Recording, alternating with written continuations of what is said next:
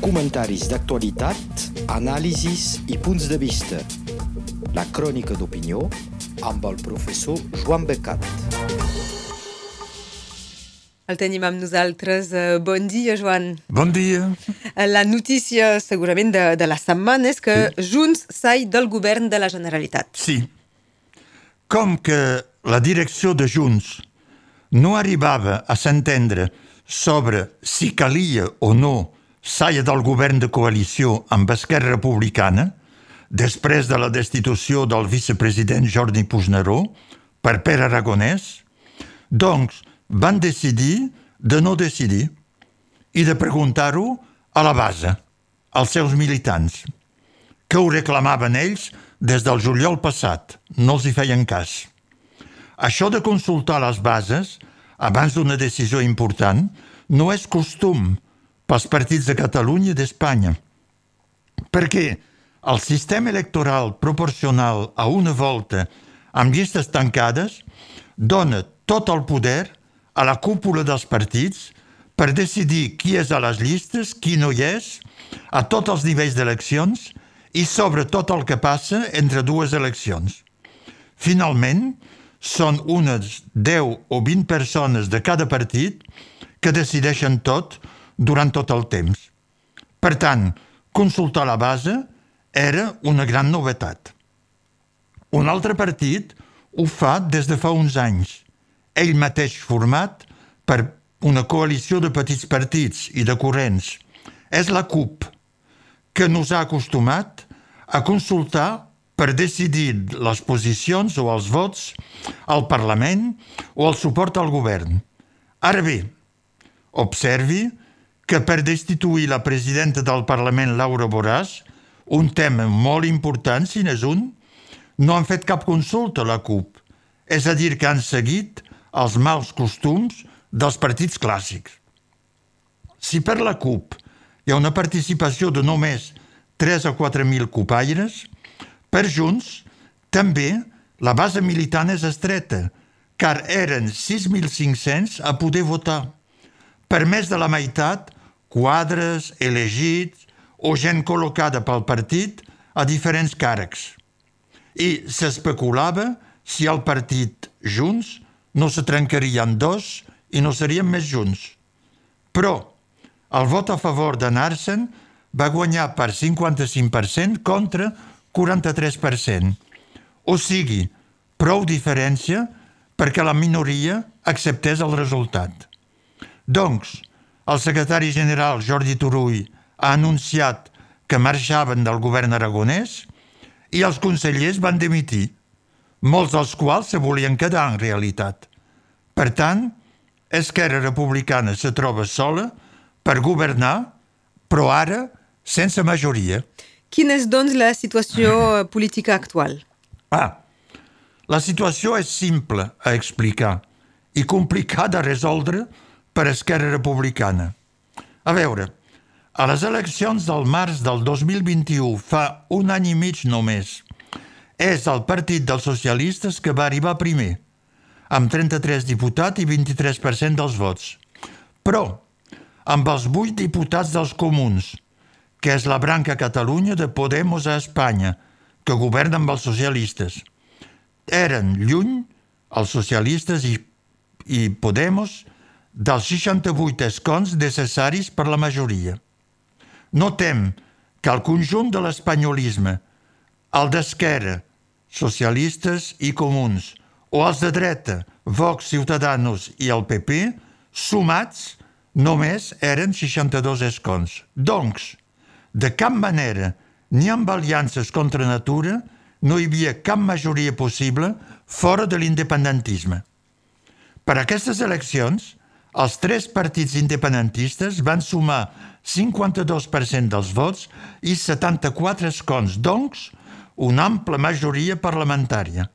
Van formar govern amb dificultats, si recordeu, car la línia d'Esquerra Republicana de cooperació amb el govern de Pedro Sánchez i d'un diàleg que descartava l'autodeterminació i l'amnistia, punts principals, era oposada a la línia de confrontació de Junts per Catalunya. Aquesta aliança coixa va funcionar un any i mig, fins que la destitució de la presidenta del Parlament i la manifestació popular de l'11 de setembre no ho dinamitin tot. Per tant, Esquerra Republicana se troba sola per governar amb només 33 diputats, és a dir, menys que la meitat del necessari. Si se segueix el reglament del Parlament, pot governar Esquerra en minoria, si no hi ha cap altra majoria alternativa. Ni l'oposició la té, ni els dos partits que passen a l'oposició, Junts i la CUP, que a més a més no s'entenen. Però Esquerra Republicana i el president aragonès no podran fer aprovar el nou pressupost, llevat d'aliances amb partits anti-independentistes, i serà gairebé impossible de fer votar les lleis. Per tant, immobilisme programat. Ara bé, hi ha una solució possible, contra natura, si se considera esquerra encara com un partit independentista. És un tripartit pactat o de fet amb els socialistes que han votat el 155, la repressió, i que continuen, i els comuns, que governen amb els socialistes a Barcelona i a tot l'Estat. El primer ministre, Pedro Sánchez, s'ha afanyat el dia mateix de declarar que afavoririen l'estabilitat de Catalunya. Traducció. Votarem per Esquerra Republicana. El líder dels socialistes al Parlament de Catalunya ha estat encara més clar. No reivindiquen governar, tot i que eren més votats que Esquerra, i per tant ho podrien demanar, ni fer part del govern aragonès, però el votaran al Parlament. Pels partits espanyolistes, la situació a Catalunya és ideal, perquè s'ha trencat el front independentista i s'enterra la independència i el referèndum de l'1 d'octubre. I, d'altra banda, s'asseguren el suport d'Esquerra Republicana a Madrid. Més que mai, es necessiten l'un l'altre. És un deal, per ells, és ideal. Com que aquesta aliança de fet pot, o amb els socialistes pot erosionar el vot per Esquerra Republicana a les pròximes eleccions municipals o a eleccions al Parlament si aquest és dissolt, el líder d'Esquerra Republicana, Oriol Junqueras, s'ha afanyat de declarar, ell, cap aliança amb els que van aplaudir quan ens van empresonar. Perfecte, molt bé. Però, si no és una aliança pactada, serà una aliança de fet perquè els socialistes votaran com voldran, a favor d'Esquerra, si volen, encara que Esquerra no ho vulgui. Aquí n'estem, amb la perspectiva de dissolució i noves eleccions si això no funciona. Joan Becat, també hem de parlar del nou govern. Sí, perquè tot això ha passat des de divendres a la nit i ja diumenge se coneixia el nou govern aragonès, que va ser proclamat ahir dilluns. Dins els nous consellers i conselleres, que són d'Esquerra Republicana, destaquen dos pesos pesants de la política d'abans dels deu últims anys del procés d'independència, d'abans del procés. És Quim Nadal i Carles Campuzano. Els dos, noto, que són acostumats des de fa temps de la Universitat Catalana d'Estiu. Els coneixem l'un i l'altre i són amics de l'UCE eh, des de sempre. Quim Nadal va ser durant anys alcalde de Girona, diputat i conseller de la Generalitat. És un gran, gran historiador que la Universitat de Perpinyà ha fet doctor honoris causa. La seva carrera política se va fer amb el PSC, amb els socialistes, però els va deixar amb tot un grup que se'n va separar car ells, que marxaven, eren a favor de la independència. Hi havia en aquest grup el president Pasqual Maragall i el seu germà Ernest, que va ser candidat d'Esquerra Republicana a l'Ajuntament de Barcelona. Quim Nadal és una persona respectada, per tothom i de gran experiència, cosa que ha faltat visiblement a Pere Aragonès, opinió meva. Carles Campuzano era, ell, diputat a Madrid per Convergència i era portaveu d'aquest grup a les Corts Espanyoles. Quan Convergència, eh, per influència de Jordi Pujol i d'Artur Mas, va optar per la independència, ell, Campuzano, no va anar amb el nou partit, el PDeCAT, i després Junts, i se va allunyar durant anys de la política. Hi ha també un altre independent que ve de Podemos.